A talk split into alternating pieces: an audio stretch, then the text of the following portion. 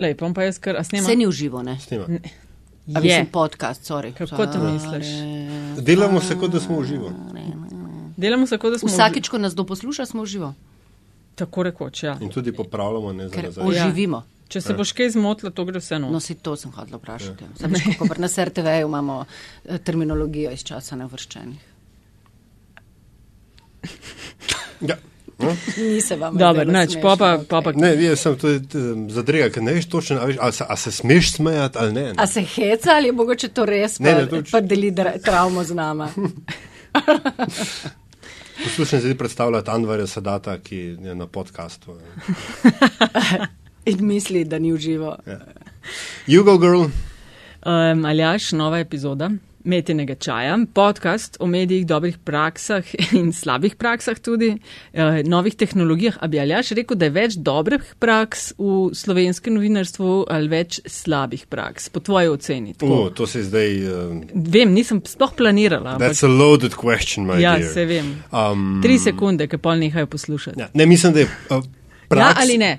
Da Praks ali je več dobrih, uh, so pa bolj izrazite, pa slabe. Bolj jih opazimo. ne. Um, no, o tem debatirava v Metinem čaju. Um, gostitelja sva Nataša Briški, Metina Lista in Aljaš Pengov Bitenc, Radio Chaos uh, in po dolgem, dolgem času spet v Ži- živo. živo. Tako, Tako. skoraj v živo, mojca ne mahe še, ker še nisi na vrsti. še to bi rada povedala na začetku. Ne. Komentarje spodbujava, kritike tudi. Dobrodošli na infoafna metinalista.si, sicer pa naj oba zaljažem uh, dobite na afna pengovski in afna DC43. Um, ob tem se seveda zelo lepo zahvaljujeva, ampak resno ne, za podporo podkastom na Metin listi, še posebno pozdravljava Metin čaj, ne, Tako? Ja, pa vse, kar nas poznajo. vse, ki nas poznajo, ja. Ne, pomaga, lej, pod črto pomaga, da lahko s takšno intenzivnostjo delamo. Uh, a veš, pa honoriramo goste. K... Predvsem, predvsem gledam tudi, da naj baje, Ja, ja, ja, Mojca. ponovno naj jo plačujejo, ne, sva slišala, E, za ja. vse, kaj že. Mhm. In se um, posebej pozdravljava vse tiste, ki naj jo zaradi političnih ambicij ne poslušajo več. Odlična. Um, Aljaš, tokrat imava blazno zanimiv načrt oziroma blazno ambiciozen. Rešili bomo Evropsko unijo, izvedeli se o um, Italiji in o dogajanju na RTV-ju. Mojca Širok. Končno pridem do besede. Tako sem že vsa zaripla od molčanja. Sem videla, da si bila mal napeta. Ja. To vedno vlečeva, da vidva, dokje zdržijo. Ja, ja. Zato, tako že kot slonček dumbo so se mi lica napihovala. Slonček Dumbo pomeni, Od da risanke besed. gledaš. Ja. A? Ne Ja. več, včasih sem jih pa sinhronizirala. Ja. A? Ja, ne vem, zakaj nikoli nisem bila lepa mlada princeska, ampak zmer hudobna čarovnica, kristača, gorila in tako naprej. Res si bila, se spomniš kakšnega teksta slučajno? Mislim, to so bile risanke, ki so jih takrat predvajali na komercialnih televizijah, oziroma to, je, to so temna 90-ta, katerih ne, druga Aha. polovica 90-ih, ko je bilo še vse na video kasetah. Ne, in si ti, ja, po mojem, marsikdo. m, Rojen tam nekje konec 80-ih, uh, ima doma še kakšno staro videokaseto z Maja hudabna čarovnica. Aha, no, dej, dej krastačo povej, kako si jo delala. Evo, se ne spomnim več nekaj mogoče dragega. Se hecaš, mojca. Skriti talenti. Si predstavljaš na globusu? Dober večer. Kaj si zdaj, krastača ali čarovnica? Ne vem, ali pa ena po mojem čisto trujena stara baba, ki ne more več. Veš, sam, samo če bi imela uh, slovenska televizija um, tradicijo sinhronizacije vsebin za razliko od podnaslavljanja, ne? Si ima, si ima, veš. Jaz recimo se nikoli nisem prebila v, to, v te visoke uh, estetsko, avtorsko, umetniške zahteve RTV-ja. Mi smo bili ta uh, tale low budget uh, kasta, ne? medtem ko na RTV-ju ne, so, so snemali s pravimi igravci. Ne, ne, to vem, In sinhronizirali risanke na, na izjemno visokem nivoju. Ne, ne, to že, vse sem imela Nano Milčinski enkrat Ja. na, na to temo, ampak hočem reči, da tudi za stvari, ki si jih deset počne, A ja, veš, če bi morala izjave sinhronizirati. Da, ne dajala podnas- podnapise, Ja, butastemu Berlusconijo recimo, ne, ja, veš. Če sem, kako si sploh do tega prišla? Do To je bilo sinhro? demo, ne, ja, do tega, da bi sinhronizirala risanke. Ja, veš kaj, jaz sem začela kot špikarca na Radio Študent. Jaz, če ne bi šla leta 91. februarja, to točno vem, zaradi tega, ker je letos 50 let radio študent in me vse povsod kličejo da, za obujanje spominov, se ne samo mene, ampak Ja, ja, ja. vse stare prce. Ne. Um, in se točno spomnim, bilo je februarja ali konc januarja 1991 ne, in sem jaz takrat šla delati audicijo na RŠ, sem jo naredila in sem bila pol špikerca na radio študent. In mislim, da če bi tega ne takrat bilo v mojem življenju, jaz ne bi bila nikdar tu oziroma ne bi bila nikoli novinarka. Jaz sem študirala slovenščino in italijanščino in, in celo sem imela v prvih letih na faksu štipendijo osnovne šole Dorenberge pri Novi Gorici, tako da me prija, pre, mislim, moji šp, špikarski kolegi in impro kolegi si zga časa še vedno kličejo Tršica z Dorenberga, ker je potem na neki točki prišlo do tega, da moram iti učiti slovenščino v osnovno šolo Dorenberg. Ne. Ker sem prejemala njihovo kadrovsko štipendijo, ampak pol je bil tam vmes se zgodil razpad države, pa ne vem, po mojem so zgubili kakšne fajle ali karkoli, no in do tega ni Nisi tudi ura nikoli prišlo in sem bila oproščena tega. No? In, in, ampak potem ta leta na Rešu so me peljala v vse te vode, ne? v sinhronizacijo risank, v improligo v, v, in ne nazadnje v novinarstvo. Sicer pa v čem, v čem so razlike med vsem tem? In proliga tudi, lej, mi dva zalažem, vedno štarteva podcast, tako da v bistvu vsakega S vprašam. se sramotnimi mal- podrobnostmi. ja, vedno morajo ljudje malo ponašati. Danes smo pač krstačev, pa čarovnica. ne, vedno začneva tako, da se pač eh, folk predstavi in ti si glih super začela. Se pravi, šička nisi bila nikoli pol. Kaj? Vršica, A, šička. to vršica. Ne, bila sem, mislim, uh, tako, uh, ne. V bistvu ne. V razredu pravem sem bila samo med temi, mm, kako se reče, vajami na faksu. Ne. Smo imeli na, na italijanistiki pedagogiko, nekaj takega, didaktiko in smo pa morali učiti italijanščino um, eno uro. Drugače pa mislim, da sem imela nekaj tečajev italijanskega jezika uh, in, in ful sem inštruirala in uh, tudi uh, lektorirala ogromno. Mislim, da so vsi moji frendi diplomirali oziroma svoje diplomske naloge oddali z mojim imenom, ker je bilo seveda zaston ne, in Ja. Dumping in to. In tako da Drugače v bistvu s svojim poklicem neposredno, ne, uh, pa ne, ne, jaz sem takrat vse čas nekaj razmišljala, da bom mogoče prevajalka in take reči, ne, tudi profesorca, mi ni bilo, mi ni bilo tuje, ne, mi niso bile tuje te misli, ampak pol me je pač ta radio študent in vse, kar se je pol naprej dogajalo, dejansko odvleklo, ne, v bistvu se mi zdi, da nisem bila nikoli na nekem eh, križišču, ko bi se morala odločati ali levo ali desno, ne, ampak me je v bistvu kar peljalo naprej, ne. In ti ni žal. Ma ne, zdaj ne, ker ne vem, kakšna je druga varianta, ne, zakaj bi mi bilo žal za nečim, Uživaš, česar v tem, ne kar poznam. delaš, ja, uživaš. niti da si- ne več, no, No. če sem čisto iskrena. Ampak, glej, to Kaj je to temu? za ta denar, to, to je to, kar zdaj Zakaj imam. ne? Kaj manjka? Manjka izziv ali manjka vsebine? Ali manjka, kaj, manjka, kaj manjka, Zdaj trenutno. da, da ne v uživaš? Veš kaj je, meni, je- meni v bistvu, vidva sta predtem načela, ne, pa sem, ne vem, če je to to, ne. Veš, to naše novinarstvo, kot smo ga bili vajeni, oziroma kot sem ga bila jaz vajena, pa še to je bilo v bistvu že takrat, ko sem jaz se začela ukvarjati z novinarstvom, so vsi govorili, da je žlahtnega slovenskega novinarstva že davno konec. In se mi zdi, da, a veš, ko sem prišla na radio študent, so mi govorili, o, zlati časi radio študent so minili, ne, pa sem tri leta ali dve leti zatem šla na mladino, o, zlati časi mladine so že davno minili. Ko sem prišla na RTV 99, ga mi je bilo že jasno, da so zlati časi RTV že davno minili. Ne, ampak veš kaj, jaz sem recimo prišla uh, uh, julija 2016 po devetih letih Italije nazaj domov. In meni se je zdelo, da sem prišla pač v drugo državo in tudi v drugo firmo, firmo torej v svojo službo. Ne. In v drugo državo. Uh, jaz v bistvu, zdaj, če se omejiva na tvoje vprašanje, jaz te naše medijske scene, medijske krajine ali kakorkoli jo ti imenuješ, ne prepoznam več. Ne samo zato, ker tistih ljudi, ki so bili novinari leta 2007, ko sem jaz na zadnje odšla v Rim, več niso novinarji. Oziroma, če so novinarji, pač životarijo nekje ob robovih medijskega prostora in uh, klamfajo neke, be- nekaj vrstične tekste za različne spletne portale. Um, ampak tudi zato, ker so se v bistvu mediji ne, strašansko spremenili. Recimo, dala ti bom samo dva največja primera. Ne. Uh, pri elektronskih medijih največja komercialna televizija je naš največji konkurent Pop TV. V tem času, ko sem jaz, prišla, torej, ko sem jaz odhajala, je imel Pop TV zelo močan informativni program. Ne samo 24 ur njihova dnevna informativna oddaja, ki je najbolj gledana eh, informativna oddaja državi in tudi mislim, da najbolj gledana sploh televizijska oddaja v državi.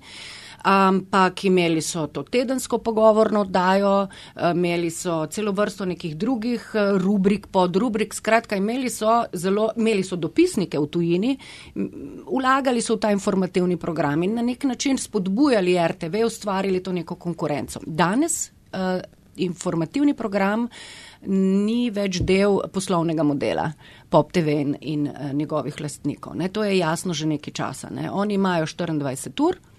In mislim, da čisto nič drugega več, še nekaj teh rubrik. E, Nima več Preverjeno dopisnikov je, po ampak- svetu, ja, oziroma veliko manj, kot so jih imeli. In tudi ti vidiš, da oni enostavno imajo to, s tem so zadovoljni, to gojijo. Ne zanima jih več pač kot nek njihov poslovni produkt, ker je njihov poslovni model postal popolnoma drugačen. Oni so ugotovili, da veliko več denarja obrnejo, zaslužijo, veliko več česar koli pač ustreza njihovemu poslovnemu modelu, pridobijo. Če ta denar vlagajo drugam in to vidimo pač v te resničnostne šove oziroma domače eh, dnevne nadaljevanke. Kar pomeni, da je tukaj že vidiva, ne, novinarstvo bilo na nek način popolnoma osiromašeno, ker je nek del elektronskega uh, medijskega prostora enostavno umankal. Ne. Na drugi strani, če gledamo tiskane medije, ne, dejta, zdaj dam izziv vama in vsem našim poslušalcem. Ne, uh, dejte vi tako vzeti številke našega največjega osrednjega slovenskega dnevnika Delo v enem tednu ali pa ajde v 14 dneh in jih postavite eno zraven druge in si s črnim flomastrom prečrtajte dneve.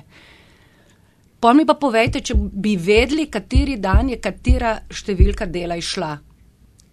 Kateremu dnevu v tednu pripada izvod določenega dela. Čak, ne vem, če te razumem. Kaj to misliš s tem? Delo, prepogljeno, vem, ja, kot okay. ga vidiš, časopis foldan Ja. ne, na zgornjo polovico, kot ga ti vidiš v kiosku, kot ga ti vzameš v roke.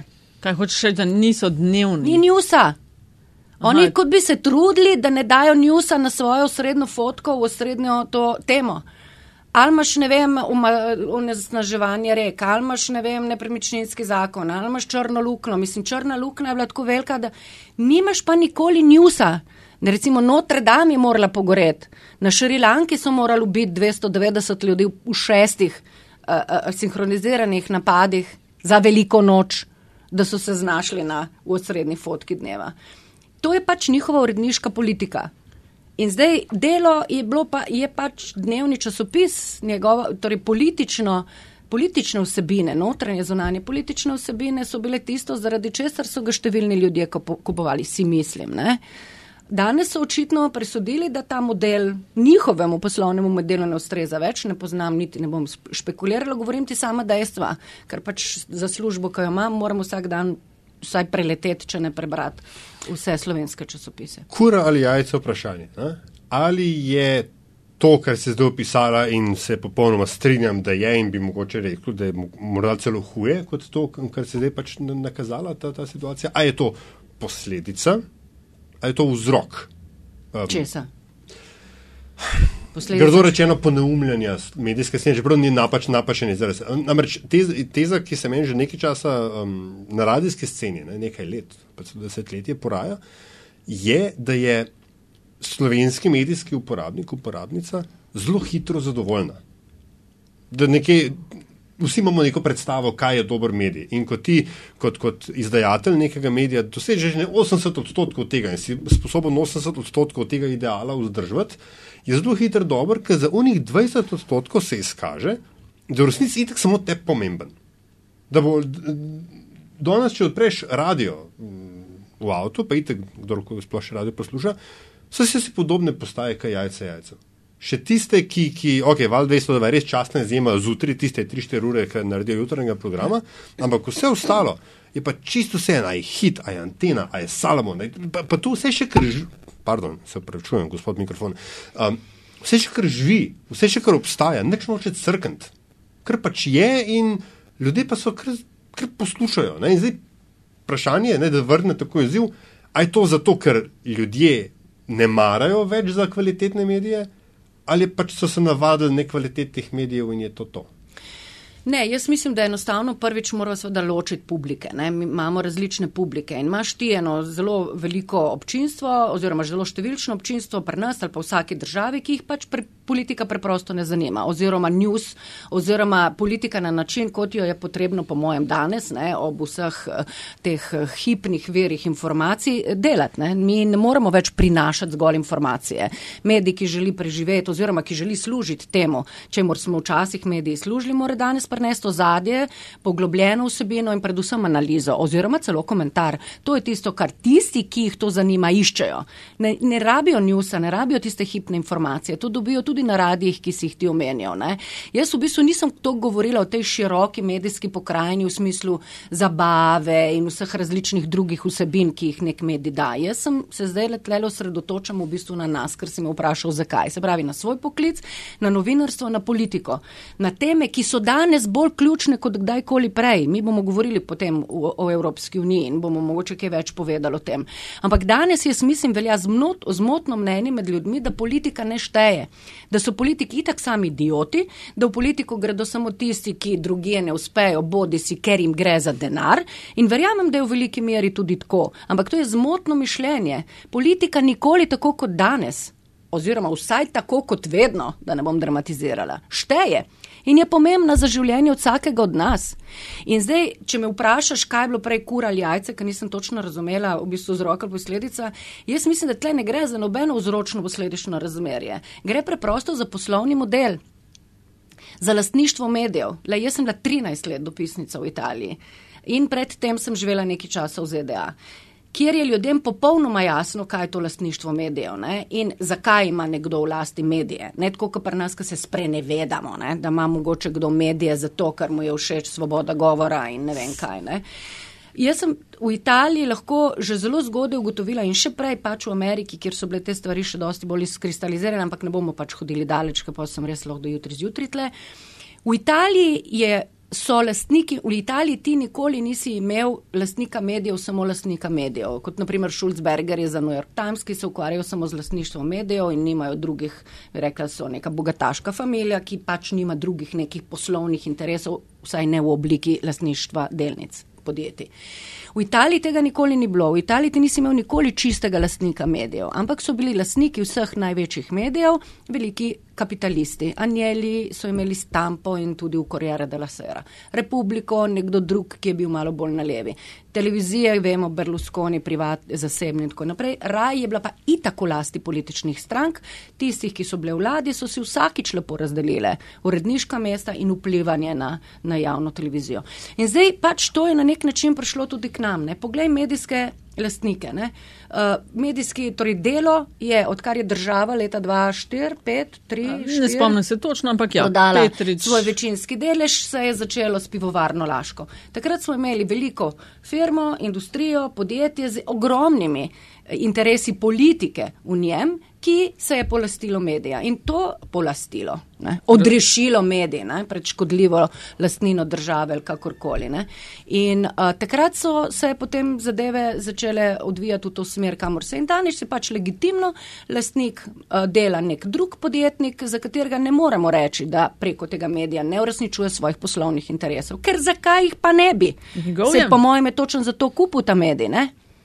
In zato imate danes številne vsebine v delu, ki jih mogoče prej ni bilo in mogoče so tudi dobre in zanimive za bravce dela. Ampak to ni več tisto, o čemer smo prej govorili, ne, kar naj bi danes na nek način neko srednji politični dnevnik prinašal bravcem, ki si želijo politične analize in česar koli. Sej do, domače politike tako rekoč nimajo zunanjo kar krepko, ampak notranje pa nič oziroma zelo redko. In podobno je z zasebno televizijo. Ne. Tako da mislim, da gre pri teh uh, kura, jajčno, vzročno posledičnih uh, uh, verigah dejansko za en preprost, normalen razvoj, razvoj dogodkov. Mhm. In še to ti bom rekla, še en primer, čist na, s primerom. Ko si govoril o ljudeh, so poneumljeni ali ne iščejo takih vsebin. Lej, dala ti bom svoj osebni primer. Jaz vsak četrtek, in Nataša ve, to sem mi tudi že povedala, in povem čisto vsakemu, ki me to vpraša oziroma se mu dame poslušati. Vsak četrtek zvečer globus zunanje politična oddaja. Mislim, to je, to je nišna oddaja, dajmo si na jas, biti na jasnem. Recimo tarča pred nami, ne, to je pač neka splošna pogovorna politična oddaja. To je še edini politični tok šov v državi. To gre za generalno publiko, ima tudi generalne teme. Mi, smo pač, mi smo za tiste, ki jih zanimajo zunanje politične teme, mednarodno dogajanje, slovenska zunanja politika. Trajamo 24 minut in smo na sporedu v prime time v četrtek zvečer. Konkurenca ima takrat Masterchefa, na planetu imajo podobno oddajo, kot je naša tarča. Uh, skratka, konkurenca v tistem času je na elektronskih medijih v Sloveniji izredno močna. Poleg tega imamo ljudi, ki sploh več ne gledajo televizije, ljudi, ki gledajo Netflix, ljudje, ki grejo v tisti uri spat, ljudi, ki surfajo po internetu. Skratka, vsej tej, bi rekla, po, po, po, po razdrobljenosti in izgubljenosti našega nekdanjega občinstva, to dajo. Vsak četrtek redno gleda od 80 do 100 tisoč ljudi, v povprečju od 80 do 90. Prejšnji teden smo imeli kitajska vlaganja v Evropo, smo imeli 105 tisoč gledalcev, več kot odmevi. Zdaj, a lahko meni nekdo to pojasni? O, več kot in to vsak teden. Se pravi, ob, ob taki poplavi istočasnih uh, drugih vsebin, ob dejstvu, da se ljudje sploh več ne zanimajo ne za politiko, ne za, ne sploh ne gledajo televizije še vedno od 80 do 90 slovencev, tisoč slovencev, vsak četrtek se usede in gleda teh 24 minut nekega zunanje političnega magazina, ki tudi zahteva tvojo pozornost. Kaj, kaj, ki tudi zahteva mogoče neko predznanje. Zakaj mogoče... to delajo, po tvojem mnenju? Ne, jaz bi to se moral naš direktor vprašati, vsi. Ker očitno to, jih to zanima.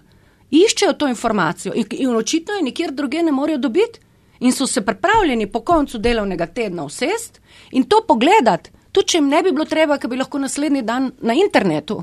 Vsaka oddaja ima pa še 200-250 klikov. Oddaja Janka Petrovca, terenska oddaja z Malte. Kaj vemo, kaj se dogaja na Malti, kaj ti veš drugega o Malti? Kje si kaj videla, kakšno reportažo, kakšnega našega človeka, v kjer je medijo, o tem, kar se danes dogaja na Malti. Ne samo migranti, prodajanje državljanstva, mislim, pralnica denarja v, v Evropi.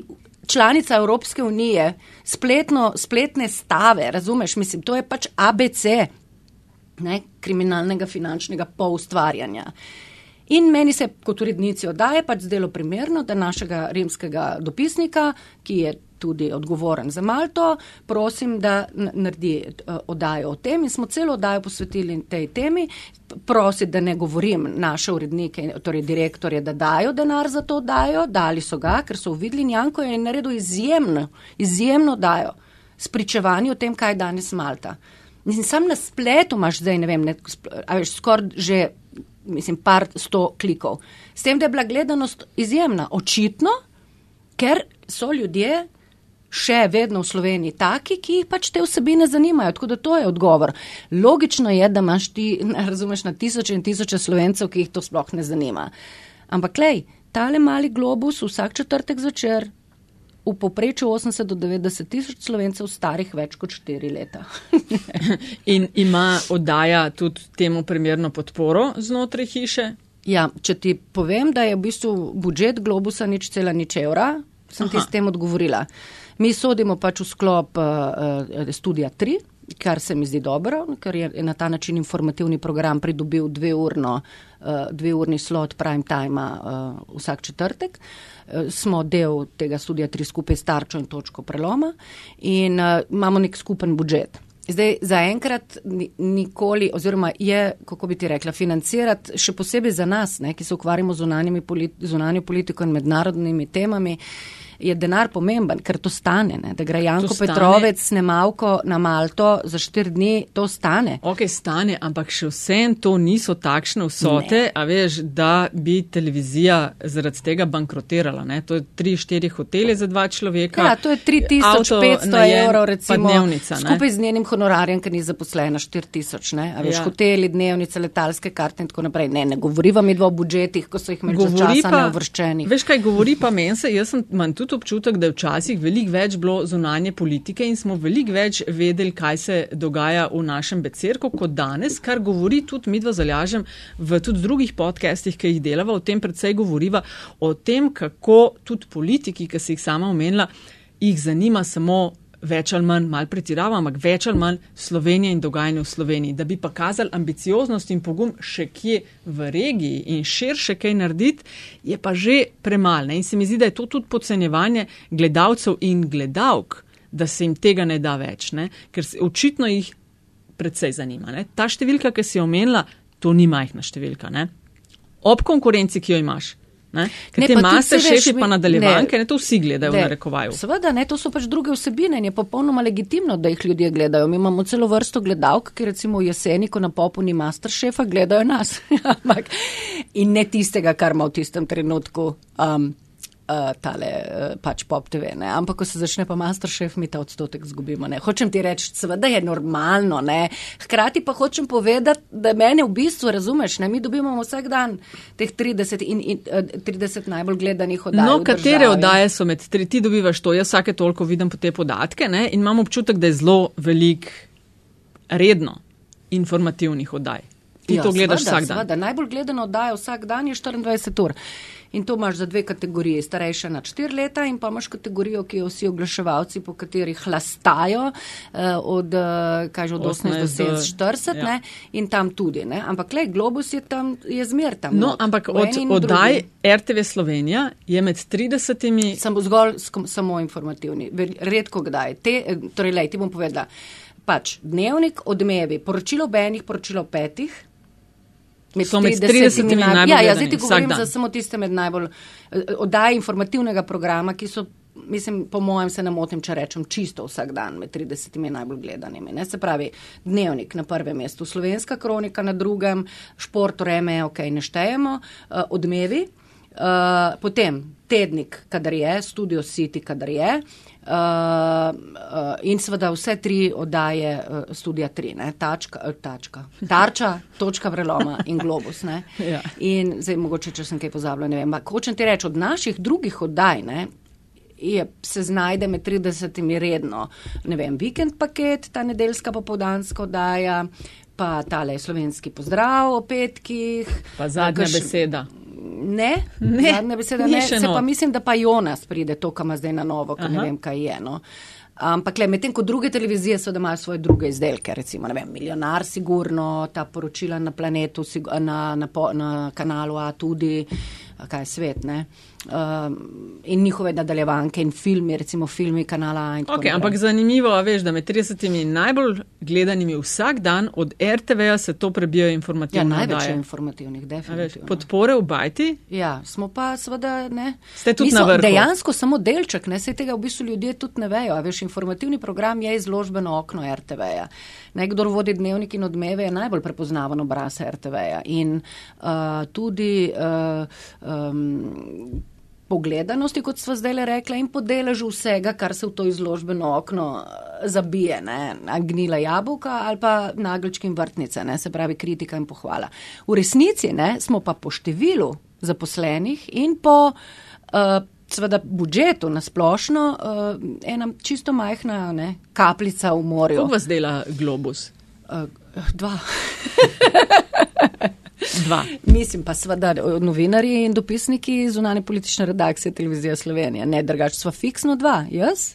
Ne, kot voditeljca in urednica in moj, eh, moj eh, kako bi ti rekla, vse stranski sodelavec, mlajši kolega Marko Valadžija, ki je redaktor ne, in skrbi za vse to, da so prispevki v redu, da so vse te tehnične Za nič budžeta in zadeve. tako dalje. A te pol. Mi dva sva oba dva zaposlena, ne, tako da je okay. budžet te oddaje v bistvu ga ni, ker je to plača. Ne, veš. Dobro, ampak za potovanja in te No, stvari. ampak verjetno gre nekaj za prevajalca, za lektorja. Mm. A te kaj boli, to sem hotela vprašati. No, uh, da ni, kar je, kar jaz razumem to, kar govoriš, je, da zares um, vas nič posebej uh, ne ujčkajo. Kljub, uh, a te to, pa ok, a te kaj boli, ker folk seveda misli, ne, da so proračuni takšni in se mi zdi, da je doskrat, zakaj niste pa še tega, Ja, zakaj niste pa ja. še onga tipa zvezane roke in noge Ja. skupaj. Veš kaj, boli me v bistvu ne, ker me noč ne boli, ne, razen kakšen glava dan po kakšnem posebej uspešnem žuru. Um, um, v bistvu je pa težko, ne meni je recimo tako, zelo mi je, zelo mi je, žal, zelo mi je žal, no?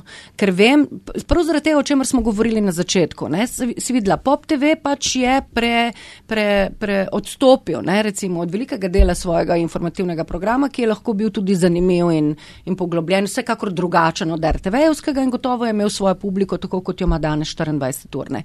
Kar pomeni, da smo ostali samo še mi, informativni program TV Slovenija ne, in znotraj njega Globus kot edina zunanje politična televizijska oddaja, ne samo na, na TV Slovenija, ampak v državi. Se pravi, jaz, če bi jaz razmišljala ne, kot generalni direktor ali katerikoli drugi lastnik medija, o, katerem, o katerih smo prej nekaj rekli, ne, a ni logično, da ko ti vidiš, ne, da ti imaš neko publiko, da te ljudje iščejo, poskušaš to še izboljšati, da dati še več. Ne. Vidiš, tega ni. Ne. In samo to, da ti še rečem, ne, sej, da, nas ne, da ti odgovorim, kar si mi rekla. Ne, sej, lej, v bistvu nas, ne bom rekla, da nas ne cenijo v bajti ali kakorkoli. To, česar smo deležni, mi so deležni v bistvu vsi v informativnem programu, vse oddaje in bi rekla tudi številne druge oddaje. In to je rezov. Ne, vsako leto od vodstva dobivajo vsi uh, neprogramski izvajalci, ali kako se imenujemo, samo eno in ne samo zahtevo zapravite čim manj denarja, ki ga itak več ne boste. Zakaj se kakšnih oddaj, to sem nikoli štekal? Zakaj treba biti 300 oddaj, zakaj ne samo ne 200, pa ima teh 200 kakšen evro več? To je drugo, ampak samo to, da ti rečem, no, ujčkajo ali ne ujčkajo, treba je povedati, da smo letos jeseni, je, torej je Globus, ker te, to je oddaja, ki je na, na programu od leta 2007, njena prva voditeljica je bila Ksenija Horvat, njena prva urednica je bila Blanka Dobršek. Uh, uh, upeljali so jo v času, ko je bil urednik informativnega programa Rajko Gerič, uh, direktor televizije pa Jože Možina uh -huh. in je imela doja takrat 35 minut in veliko, veliko večji budžet. Ampak hočem reči, Po desetih letih je lani decembra ta oddaja dobila nagrado novinarskega društva za izjemne novinarske dosežke, se pravi vsi tisti, ki so v teh desetih letih ustvarjali na zadnji vrsti, potem seveda z mano, ki sem pol nagrado tudi prevzela in Igorjem Juričem, ki je, sem, ki je bil tisti, od katerega sem jaz v bistvu prevzela vodenje in urednikovanje. No in po tej nagradi nam je potem tudi nagrado priznanje RTV za posebne dosežke dala tudi naša hiša. Je kako lepo, ampak hotel sem samo pripomniti, ne, da um, o razvijanju. Veš, to, to je teh 80 odstotkov, ne, ki, ko je dovolj, ko smo vsi zadovoljni s tem, kar je uloženo, ker za vse več se pa, a se splača vlagati. Ne. Zvedika, ne, da rečemo, odločevalca. Nekaj drugega, vendarle, da ne bomo samo um, necerarjevsko jamrali. Ne. Kako se je način dela, produkcija, um, dostop do vem, vsebin tehnike in tako dalje v tem času, ne, kar si bila ti pospravljena v popku sveta ne? in danes spremenil. Kako ti danes drugače delaš televizijo? V primerjavi z kaj to pred desetimi leti. Tukaj v Ljubljani, v, na nacionalni. Lahko dam prej bolj plastičen primer iz terena, no, kot dopisnik, no, glede na to, da imam to možnost. Jaz sem šla prvič za dopisnico RTV v Rim in Vatikan leta 1999, uh, eh, ostala sem do 2003, se pravi štiriletni mandat, potem sem se vrnila v Slovenijo, sem bila tukaj par let, dve leti in sem se vrnila v Rim oktobra 2007. Maja 2003, ko sem jaz delala zadnje prispevke za dnevnik, sem za izvedbo tega prispevka plačala vsega skupaj 1000-1200 evrov. Da je tista minuta 30 nekega novinarskega poročila prišla v Ljubljano in bila objavljena v večernem dnevniku. Kaj je šlo v to soto? Satelitska. 800 evrov je bil najem ekipe. Aha, tudi ja. Ekipa je bila takrat ena 30-kilska kamera za 30 tavžant mark ali pa ne vem koliko tavžant evrov. Ne? In ekipa je bila vedno dvočlanska, ker je bil zraven bodi si tonc, bodi si lučkar, bodi si nekdo, ki je vso to kramo pomagal nositi. Ne? In mi smo te ekipe najemali od zunanjih izvajalcev, ne? mi RTV in vsi drugi kolegi dopisniki v Rimu. Pol je bila montaža, je bila 100 evrov ura montaže v tej ne, produkcijski agenciji, ki jih je bilo tam po Rimu kot še en poklic, ena služba, ne, ja, en ja. posel, ki je izumrl. Jih je bilo kopečka, ker smo hodili tja monterati, ker so bile montažne naprave, take velike kište, mi smo imeli kasete. Na zadnje se, sicer te DVC, ta mhm. male, ampak vendarle kasete, to ni bilo nobenih kartic. Ne. In tretjič satelitski link, da sem jaz spravila to reč ta prispevek, po tem, ko sem ga posnela, ko sem ga zmonterala. da sem ga spravila do Ljubljane. Do Ljubljane je bilo, mislim, da še tam 300-400 evrov, do 600 evrov satelitskega linka za 10 minut. Ne? 2007, oktobra, je ta številka naenkrat postala 230 evrov bruto. Ker je bila to cena za snemalca in montažerja, ki je posnel prispevek s kamero RTV-ja, ki je stala par tisoč, zmontiral na svojem laptop računalniku v programu Avid in po FTP-ju, v Rimu je bilo to sicer ful smešno, ker imajo strašno slabe te eh, pač internetne linije, ampak ok, in po FTP-ju to poslal v Ljubljano. In za vse to dobo 230 evrov bruto. To je, ne vem, če sem ti plačal. Ne, ne, ne, meni, meni je, meni je To govorim to, tudi vsem mlajšim kolegom, ki pač tega ne poznajo. To, to je bila velika sprememba. Ne. Umrla je cela, iz, iz, izumrla je cela vrsta pač nekih uh, služb, ne, ki so bile nam podporne in dejansko um, uh, je bila to res ena res, res tako tektonska sprememba v načinu našega dela. In še to ti bom rekla, jaz sem bila še srečna, ker sem imela pač človeka, ki je bil trojedini bog, ne, se pravi snemalec, montažer in, in pošiljatelj. Moja nizozemska kolegica, ki je delala za eh, nizozemski RTL, njo so prosili, da si sama posname, sama zmontira in sama pošle. In teh one-man bandov, oziroma kot jim rečejo video, video journalists, mm. ne, je danes veliko. Ne. Ja. Tisto so bili dobri zlati časi ne, medijev, ki smo imeli vse to. Vse, ja. vse. Čeprav jaz se spomnim, a veš, ko smo na teren hodili ob začetku pop TV-ja, ne, na teren se je pri nas šlo novinar oziroma novinarka, snemalc, pa še nekdo zraven, ki je počel to, kar si rekla, ali lučko, ali zvok, ali En noso, človek, oziroma ja. en človek. Ne. Takrat so ekipe z RTV-a s kombijem. To je bilo hodile, ne. 96, To je bilo šest ja. ljudi. No, Mene ampak- še ni bilo takrat. Ampak po drugi strani se je pa tudi um, produkcija sama ne, je se je upgradeala, bom rekel, mečkem bolj, ne dobro razumeti, seksi je ratala. Ne, Ja. um, um, jaz sicer tega um, um, prispevka oziroma poročila uh, Janka Petrovca z Malte še nisem videl, ne, sem si pa zato od Adriana Vakiča, sem zato ga imela v Evropski četrti um, razdruženo kraljestvo gledal. Že sam nivo produkcije, tisto, da rečem, efekti, ki so bili tam noter, ne, tega do zdaj nismo bili vajeni. Seveda v- ne. In danes brez tega ne moreš. A veš, pač pozivam te, ne, zdaj sicer ne vem, kako, kdaj boste to že objavila, da ne jutr danes. Skratka, 25. Um, aprila, ne, četrtek zvečer, bo na sporedu uh, terenski, tudi še ena terenska oddaja Globusa in sicer uh, o Bruslju oziroma iz Brusla, ki sem jo jaz v Bruslu snemala. Z tega vidika, ki si ga zdaj omenil. Levji delež pri tej oddaji, nimam samo jaz kot avtorica oddaje, ne samo moj kamerman, ki je bil super, ne samo režiser, ki je bil z nami na terenu, ne montažer, ki je izjemen. Grafik, Blaž, ki je vse te moje neke ideje, kako bi kar nekaj tam poudarili, da oddaja govori o Evropski uniji in tako naprej, prevedel v grafične rešitve. V grafiko, v, v sliko, v neke te, to, kar ti govoriš, v neke produkcijske možnosti, o katerih smo še, ko sem jaz delala svoje, recimo predzadnja, da nam pretiravala, ta prva moja mednarodna obzorja o mafiji, recimo leta 2000, o vsem tem smo sanjali. Ne? In to je recimo dejansko ena res krasnih stvari, zaradi katerih je, si me vprašal, zakaj na začetku. Ne? Mogoče res vredno to danes delati, oziroma to, je, to mi je blazno všeč. Ne? To so te, te možnosti, ki jih imaš. Ta, ta, ta dinamika, dinamika, ta interdisciplinarnost, eh, večmedijskost, različni pristopi, vključevati te ljudi, ki si jih včasih gledal, ki so ti tako 30 sekund dajali neko izjavo, na različne načine pripeljati v zgodbo, vse to opremiti z neko grafiko, z neko muziko, z nekimi rešitvami, ne, ki, za katere pač prej če tudi smo si jih mogoče predstavljali v neki svoji osebni kreativnosti, nismo vedeli, da so možne, ker niso blene. Danes pa ti praktično nimaš, nimaš kako bi rekel, ni ovir.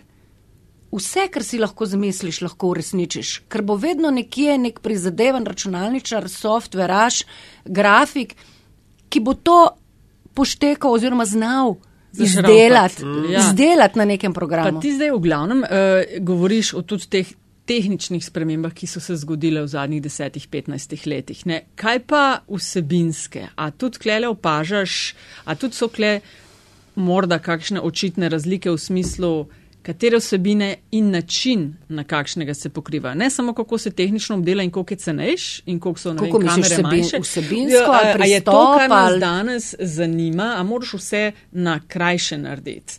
A, Ja, lej, veš kaj, vse, vse, vse so vsi možgani, eh, možgani vseh nas danes drugačni, kot so bili pred desetimi leti. Ne, ne samo možgani majhnih otrok, za katere nas skrbi, ker skozi visijo pač na, na eh, teh pametnih napravah. Tudi ti drugače razmišljaš in tudi ti imaš manj potrpljenja. Ne.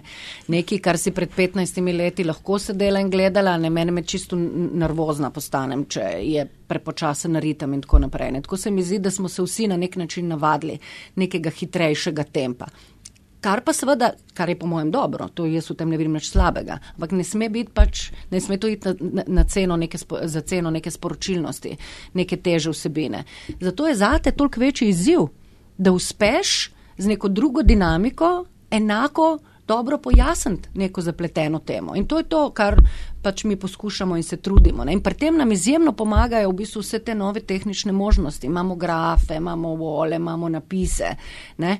da nam ni tega treba razlagati. Imamo res neko slikovno rešitev, v kateri ti je v sekundi jasno, kaj si hotel povedati. Imamo možnost, da se s tem ukvarjamo. Ker imamo montažerje, ki to obvladajo, imamo programe, s katerimi je to mogoče narediti. Lej, sej tlele bi spet Mojca, kada jamrala. kandidiraš za generalno direktorico, poglej, kako hvališ. Ja, lej, vidiš, prej sem jamrala, vam ni bilo Ne, redu. super ne? je, Zdaj odlično hvalim, vam ni v Ne, redu. Mislim, dajte se zmeniti, kaj bi rada. Super je.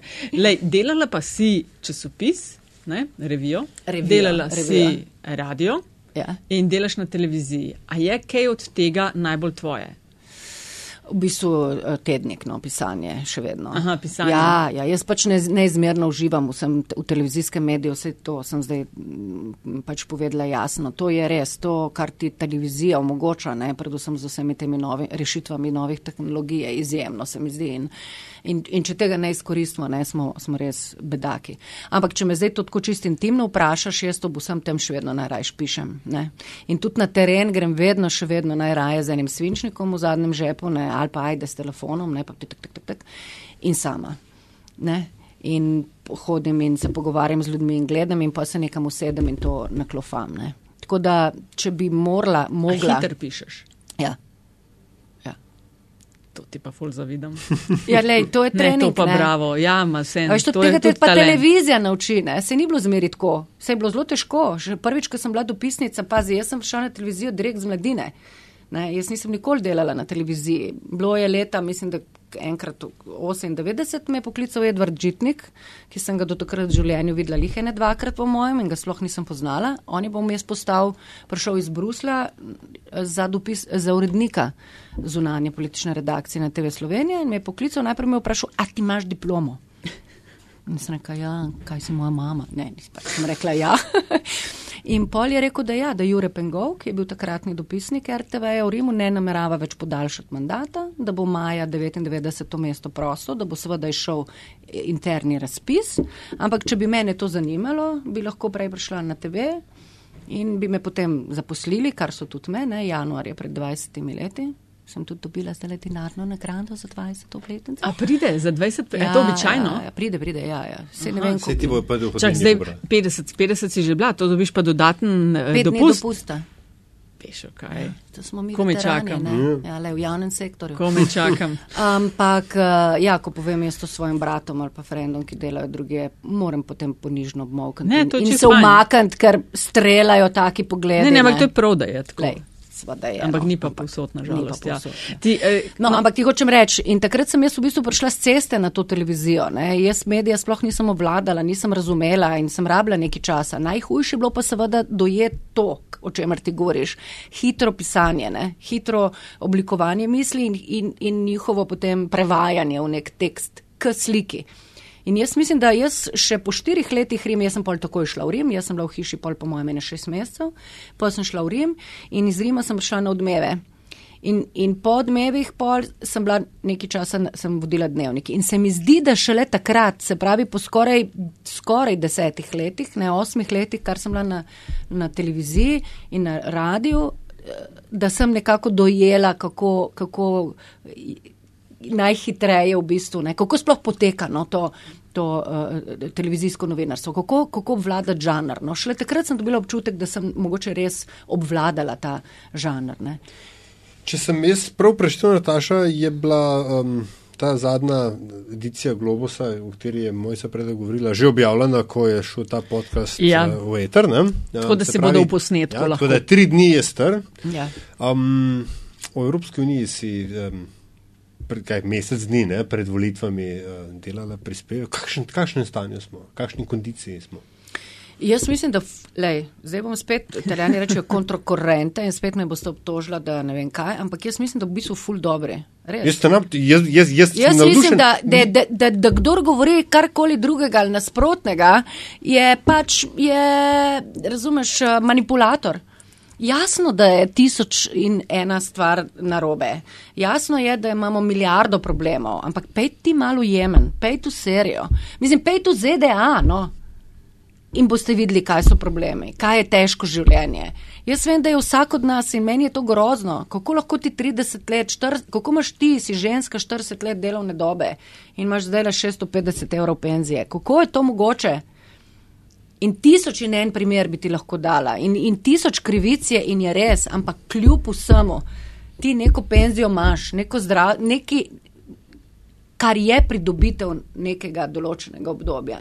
In to je nekaj, kar mi v bistvu v tem trenutku, ne bom rekla, imamo za to, ampak ker gojimo to v, znotraj Da Evropske se unije. mal iz belega kruha norca delamo. Ja, lej, ne vem. Ja.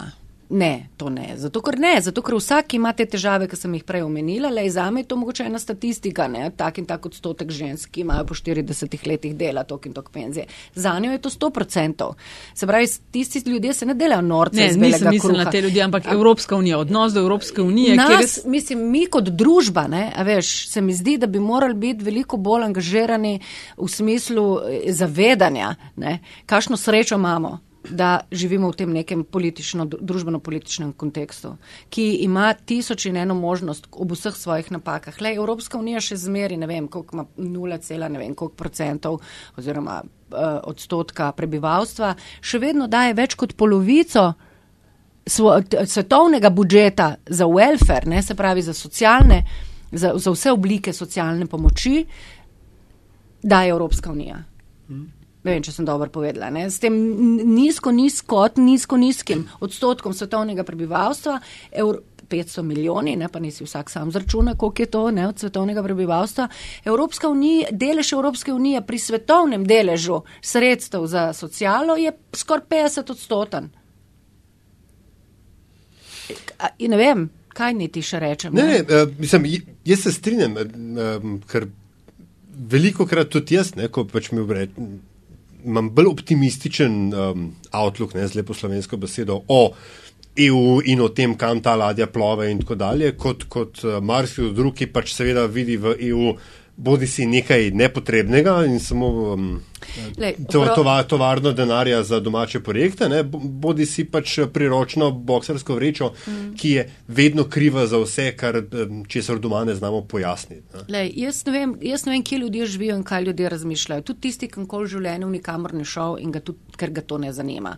Lej, jaz sem zrasla ob meji. Ob meji. Jaz sem rojena v mestu, ki so ga začeli graditi po drugi svetovni vojni, ker je bilo takratni državi neko drugo mesto oduzeto. In jaz vem, kaj je meja. In jaz vem, kaj je, kako je, kadar meje več ni. A razumeš, kaj ne to narišem komu? Mislim, Schengen, evro. Jaz sem hčerke stara 13 let, smo jo peljali na neki zlet od Amsterdama, pa sem se tako z iztegnjenim prstom obrnila proti njej in sem rekla, evo, ko sem bila jaz tako stara kot ti, ne. Smo šli tlele čez štiri mejne prehode, štiri kolone, štirikrat bi zamenjali valuto, če bi hoteli na WC ali pa spiti eno kavico, ne vem kam. Neka, who wants that? Jaz ga ne vem, če si normalen človek, kdo bi si želel to nazaj? In kar se Schengena tiče, se to že dogaja. Uh -huh. ne, na, Yep. fran- na nemško-avstrijski meji že imaš, te že podaljša pot za dve uri, ker so kolone. Ja, ne. no, sej, klele, Zdaj na- na vprašaj katerega koli slovenca, ki bo zdaj za prvomajske najel kemper in bo šel v Barcelono. No, dej, Dej, Ja, ja. Predstavljaj si, da greš čez štiri meje A je, a je in, to, in zamenjaš tri val- valute. ko si ravno nedavno to omenila, ker meni recimo je bil to, ko so se začele pojavljati zaradi migranske krize, te kontrole in tako dalje, je bil to meni tak šok. Ne? Ko Se, ravno smo se navadili, da ni več mejnih mm. kontrol. Ne? Jaz se pač še spomnim, ko smo šli v trst po kavbojke in po kavo in tako dalje in si potem tam le se cmaro na carini. Ne? In tako. Um, zdaj pa kar naenkrat kontrola, pa Ausweis bite, pa tako dalje. Ne? In si tako mal, shit, it's real. Ne? Pač stvar je, lahko gre v drugo smer, lahko razpade. Ne, um, ne tak wake up, kot je bil za me. ne. Um, a je to, a smo dojeli to sporočilo? Da so to stvari, ki pač razpadajo, ali, pa- ali pa da rečemo zmanjševanje Schengena, ne, da, je, da to ni zdravo zagotovo. Ne, nismo- Schengen je mrtev. lej. Po mojem mnenju, to, kar zdaj jaz razumem v zadnjih parih mesecih, ko se bolj podrobno ukvarjam z Evropsko unijo, jaz sem zelo pesimistična, ne? ker bo ta dikcija v bistvu ne, varnosti in zaščite pred um, priseljevanjem in vsemi slabimi stranmi, ki so, ki, so dejstvo. Ne, mislim, le, jaz sem bila 13 let v Italiji, tako da tudi meni ne bo noben politik razlagal, ne, kakšne so lahko slabe strani nekontroliranega priseljevanja, ker sem to gledala pri Italijanih 13 let. Jaz sem bila prvič na morju z italijansko finančno stražo pri preganjanju tih otapcev z ljudmi leta 1999. In ko, ko sem šla leta 2015 na Lampeduzo, sem se vlekla, ker sem smrkal, vsa ozlovoljena, kaj je s to družbo, da moram po 16 letih drgati eno in isto zgodbo. A se je kdo kaj od tega naučil? Hočem reči. Da se nihče ni nič naučil. To, To je reči. bizarno. Ne? Dejstvo je, da nenadzorovane migracije niso dobre za nikogar, ne za tiste, ki se selijo, ne za tiste, preko katerih grejo, ne za tiste, h katerim se uh, priseljujejo. In, in, in kaj politika v vsem tem času dela? Ne? Enostavno kuje dobičke za svoj politični, osebni politični kapital. Ne? To pa zato, ker se zgublja neko, nek občutek za javno dobro v vsakem od nas, ker je to, seveda zdaj ne bomo šli v neke Žižkovske, ne bomo šli ali kakršne koli, ne kaj že oni drugi Peterson, ona dva sta, imata poklic, da to delata, ampak dejstvo je, da smo družba, ki. Ne, ki, ki se razvija v to smer. Ne. In seveda negativnih plati priseljevanja ne bi smel nihče zanikati in vsi bi jih morali reševati. Ampak da se to rešuje na način, da znova vzpostavljaš neke meje. Lej, na, na slovensko-italijanski meji, na italijansko-avstrijski meji, na tirolskem, italijanom se meša, da ne govorimo samo o nas. So podjetja na eni, stran, na eni in drugi strani meje, so družine, ki živijo na eni in drugi strani meje. Ki ti zjutraj stanuje na eni strani, v službo gre na drugo stran. Ti imaš nove gorice ljudi, ki so si kupili stanovanje v stari gorici, ker je bilo bolj udobno. In imaš italijanske družine, ki zdaj hodijo k nam v Merkator in, in ne vem kam in v bazen, ker ga v stari gorici ni, se hodijo mlade družine kopati v, v novogoriški letni, letno kopališče.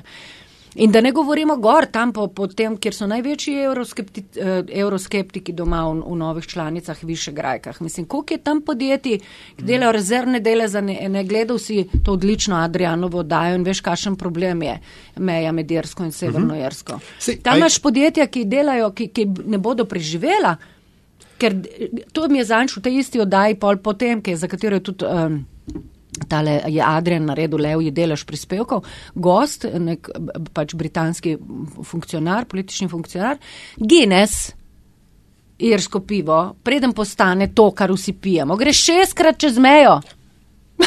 Sorry, ker se ne, derem. ne, ne, Ampak ampak- kaj ljudem ni jasno? Tisto, kar mene, ker ho, ne, ho, iščem zdaj neko, neko svetlo točko, ne, eh, pa da ni vlak, ki prihaja proti nam, a, je, a so ti izkušnje, se pravi ta šok, ki bo, bi ali pa bo sledil, če se te, te procesi ne bodo ustavili, a je to mogoče točka obrata, kjer pa o- o- od spode, kjer bodo ljud- ljudje rekli, čakajte mal, mi nočemo živeti tako, kot nam zdaj vi. Peljete to zgodbo, mi hočemo nazaj imeti prost pretok eh, ljudi, kapitala. Sam bodo najprej mogli živeti tako, No, da bodo Sej, ampak prihajamo že do te točke. Veš, to, da pač uh, uh, je tam le na, na karavankah, da ne, moram dati pasoš in se pač mimo grede dogaja nek nekih racial, ampak ethnic profiling, ker bosancu bo vedno vzel pasoš, mi pa pa videl, piše Slovenija, pa mi ga dal sam nazaj. Ne, take stvari. Mm, Da pač uh, Nemci tam so umaknili kontrolno točko 200 metrov od meje, da ni glih na meji, ne, ampak je inland control, pa se delamo, da je vse v redu. ne. Uh, sk- skratka, te ovire že so. Jaz mislim, da je ta bitka že izgubljena. Kako potem naprej, oziroma kje ti vidiš razloge za to optimizem, oziroma, oziroma da nam vendarle ni tako slabo? Ko te res zaboli, ne? če se ti nehno streljaš v koleno, ne? te bo enkrat fejs zabolelo. Ne? Lej, ne vem, jaz bi verjetno bila v politiki, ne? če bi se mi zdelo, da poznam rešitve, ne? ki so kaj več kot teh naših klišejev, ki trosimo, ko nas bo zabele, ko bomo Evropsko unijo izgubili, se bomo zavedeli, kako nam je bila pomembna. Um, naša moja osebno si mislim naloga je, da jaz pač zato sem tudi tukaj zdaj prvaju in zato delam te oddaje, ki jih delam in by the way odhajam septembra za dopisnico v Bruselj. Ja. Delam tisto, kar se mi zdi, da lahko, ne? da pač čim bolj obveščam ne? državljane. Ne? Za A je bila gužva za dopisniško mesto? naročnike RTV prispevka. A je bila gužva za dopisniško Ne, mesto? Bitka? sploh ne. A da nihi? Ne, bili sva jaz in ena mlajša kolegica iz notranje politične redakcije, zelo dobra novinarka. In uh, na prejšnjem razpisu jaz nasledim eh, Eriko Štular, ne, po osmih letih, torej dveh mandatih se vrača. Lani je kolega Igor Jurič ne, uh -huh. nasledil Matjaža Trošta, ki se je prav tako vrnil po osmih letih, dveh mandatih in tudi na tistem razpisu sta bila samo dva. Kar se mi zdi pravzaprav Kandidata. um, kar mal presenečenje, ker bi si mislila, da, da kolegi in kolegice, ki delujejo v nekih zunanje političnih oddajah, ekipah, da bi se vsem mal grebal, ne? ker zdaj Brusel dolgočasen, meglen, deževen, ne vem kaj, se pa kar pomembne stvari tam dogajajo. Ne? Čeprav, veš, dobivamo hkrati, imaš, imaš odzive, o, nič ne vemo, kaj Evropska unija dela, a imaš kakšne ideje, kako boš to pomagala mogoče spreminjati? Bom poklič me čez eno leto, bom ti povedala. ne. Um, Le, ja, to je, to, si, to je res, ne, to je svoj vrsten paradoks. Ne. Mi, RTV Slovenija, ki je še edina, ki ima pač dopisniško mrežo ne, um, po, po svetu in um, mogoče že zaradi tega, ne, mediji danes v Sloveniji, ki ga je uredno gledati, a ne, ne glede na vse. Uh, konec reklamnega bloka. No, ampak hočem reči, in paradoksalno je to, ne, da, imamo, da imamo v Bruslu dva dopisnika, ne, uh, ki dejansko garata, ne, mm. kot konja, od jutra do večera za vse radijske in televizijske, informativne in druge oddaje. In velja nek splošen občutek, da mi v Evropski uniji nič ne vemo in da je ne razumemo. Zakaj? Kako je to možno? Se pravi, da je mogoče neki narobe v pristopu, v uredniški politiki. V enostavno tej neki inerciji dnevnega pogona, ko je verjetno najlažje, veliko krat najlažje reči, no, no pa dej, dej še komentar iz Brusla, no pa poglejmo, kaj v tem v Bruslu mislijo, ker pa tebi ni treba misliti, ne, kot uredniku oziroma ustvarjalcu neke oddaje. Ne, ne, ukr neki pove, pa noben točno ne ve.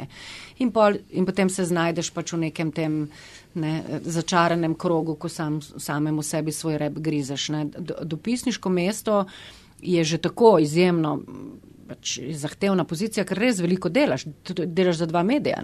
Radio, lju- ljudje, recimo jaz, zdaj, ko hodim po Sloveniji, tudi zaradi te svoje knjige in to vse sploh ne vejo, ne? da je dopisnik, ker ve, vejo, ampak mno, nekateri pa ne. Dopisnik radija in televizije. In da je v bistvu tretjina. Samo tretjina dopisnikovega dela za televizijske informativne oddaje, dve tretjini za radijske.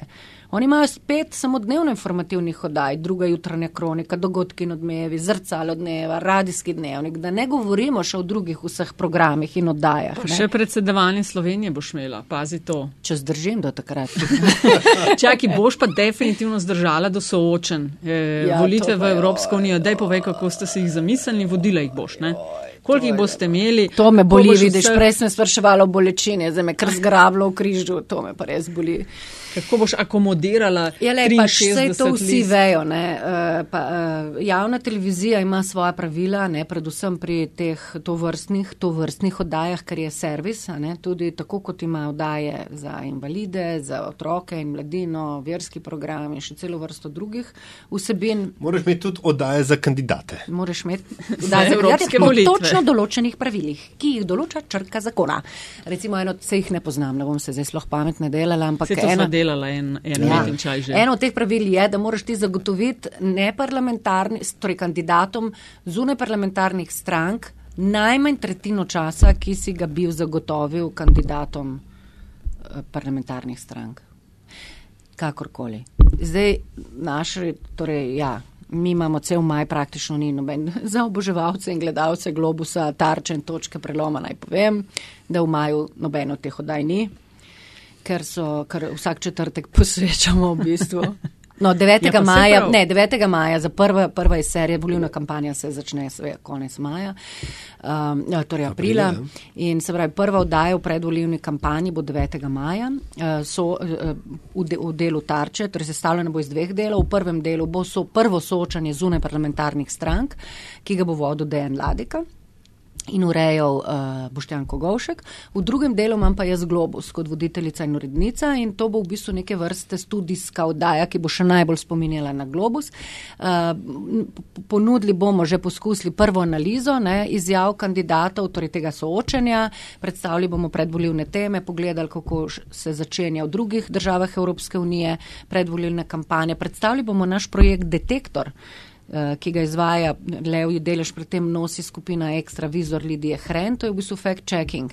Ne, po vsakem soočenju bomo preverjali, ne, koliko resnic, pol resnic, zavajanj in neresnic so povedali kandidati in s tem potem postregli gledalcem v naslednjih odmevih. In to je prva oddaja, recimo Globusa, ki bo še najbolj spominjala na. Pa Pol 9. imaš- maja, kako simbolno. Ja, ne, da, dan ja, zmage, slučajno je četrtek, ne. Dan Evrope, ja. Dan Evrope, Ja. ki je zdaj državni praznik v Luksemburgu, veš ponovno. Kar pomeni, da imate ja? frej. Ja, otroci nimajo šole. ugh. Ja. Ja, ok, se No, pravi, pa 9. pa še pa še 16. dve. 16. maja bom imela jaz soočanje z parlamentarnih strank, dve tretjini, dve urnega termina, eh, Dejan Ladika eh, soočanje zunaj parlamentarnih in zadnje soočanje 23. maja, četrtek, imam pa jaz dve urni termin in imam v prvih dveh tretjinah teh dve, dveh ur kandidate parlamentarnih in v zadnji tretjini kandidate neparlamentarnih strank. Zdaj, kdo to bodo, je seveda odvisno od strank. Ali bodo na vsako, one poznajo, torej stranke, vse kandidate, ko bodo znane eh, kandidatne liste, bo pač TV Slovenija, RTV, TV Slovenija v tem primeru, kar radio ima pač svojo in MMC svojo predvoljivno kampanjo oziroma način pokrivanja predvoljivne kampanje, bodo obvestili vse liste, stranke, nosilce list o teh pravilih in potem se bodo liste oziroma stranke odločile, koga bodo pošiljale na ta soočanja. A bo to vsakič en in isti človek, sklepam, da pri SNS-u bo to skoraj da gotovo vedno. Zmago mm -hmm. Jelinčič, ne, tako kot je bila pri parlamentarnih, recimo Lenka Bratušek na vseh. Ne. Čeprav smo tudi takrat, takrat smo imeli pa na teme, ne, notranja politika, zunanja politika, gospodarstvo. Ali pa bodo na teh treh soočenjih, recimo pri zunaj, zunaj parlamentarne imajo tri soočenja, a bojo poslali tri različne ljudi ali skozi nosilca, samo nosilca liste. Zdaj, žalostno pri tem, ne, to, pri teh soočenjih bo po mojem to, ne, da je čas zelo omejen ne, in bomo po mojem spet vsi slabe volje, ne, kandidati in mi, ki to vodimo. Si si izračunala, koliko minut pride Ja, šest polno. minut neto na glavo. No, mislim, glej, so, Glej, so, šestih so ljudje, za katere, za katere je izziv napoln tudi ta čas. Ja, ne? ja, ampak če imaš kaj čim, povedati. s čim smiselnim. Ja, ja, To, no, seveda. ja, če pa imaš kaj zapovedati, pa to lahko tudi ogromno, če znaš izkoristiti ja. in imaš vsebino. Nač, kaj počasi moramo, ne? Iz teh eh, šest k- minut, naših šest minut se je izteklo. Zdaj, zdaj gremo eh, v ja, iztek po, po maratonu. Eh, Mojca, čestitam ti za nominacijo za uh, delo Kresnik. Ne? A ja, hvala. Ja, hvala. pogodba je blazno uspešna knjiga, o tem nismo zares Da to ne sodi v politiko, nič ne. rekli, kaj ne denih. Ja. A Gledaš že, da boš kakšno novo knjigo že sestavljaš? Ja, bi zelo rada, ampak le ob vsem tem tako nekako. Boš, okay, Zmanjkuje tistih šestih minut, v katerih se ponavadi napiše kriminal. Zdaj boš, a veš, zdaj- boš v, v brbotališču Evrope, ne, v pač v kraju, kjer je na kvadratni meter največ špionov celo, mm. veš, tako nadgradiš se. Ja. Lej, Je material. za, zato se ti ni treba daleč premakniti. ne. Se mi zdi, da je ogromno materijala tudi tle. Uh, vedno pa zastava gostov oziroma gosti zadnje vprašanje je enako. Ne? Torej, da z nami deli kakšno zgodbo, anegdoto, podrobnost, zanimivost. Nisi gledala maila spet. Si. Si videla. Ne mene, ne mene Ne. gledati, ne Ne, mene ne, kar povej, gledati. sej, lej, no. Skratka, Šest let že trajba eno in isto, lahko bi se naučil. Ja, Ja. lahko bi se. Skratka, da z nami nekaj delijo, kar je, se njim zdi pomembno, zanimivo, ali pa bi radi opozorili, pa da ljudje ne vejo morda za to. Pa si pripravljena deliti. Skratka, Mislim, osebnega ali- To naj zares niti ne zanima. Aha. lahko pa tudi, če želiš. Mislim, ne zdaj, a veš. Ja, to bi morala Ne. prej povedati, pa bi še najboljše- nisem videla kot dopisnik jih Najboljša pripravljena. pizzerija v Rimu, ja, recimo. to, Recimo, to sem ja, ne, jaz ne vse povedala, sem, ker ne gledaš Ja, Ne veš, kaj pozabila sem, ne, se to je to, ja. To je to. Uh, Skratka, le, tri. Mislim, Dva. ne, jaz bi delila ta dramatični podatek z vsemi poslušalci tega čudovitega podcasta in to je to, ne, da kako v bistvu neproporcionalna je volivna udeležba državljanov nekaterih držav Evropske unije na evropskih volitvah z denarjem, ki ga tej ta isti državljani oziroma njihova država prejema vsako leto iz evropskega proračuna. In to se meni zdi dramatično, ne, da neka Slovaška, ne, ki je v obdobju med letoma dve- 2011 in 2017 prijela iz um, evropskega proračuna 10,6 milijard evrov. V tem času pa so na evropskih volitvah leta 2014 ne, Slovaki šli na evropske volitve v odstotku, ki znaša na tanko Malo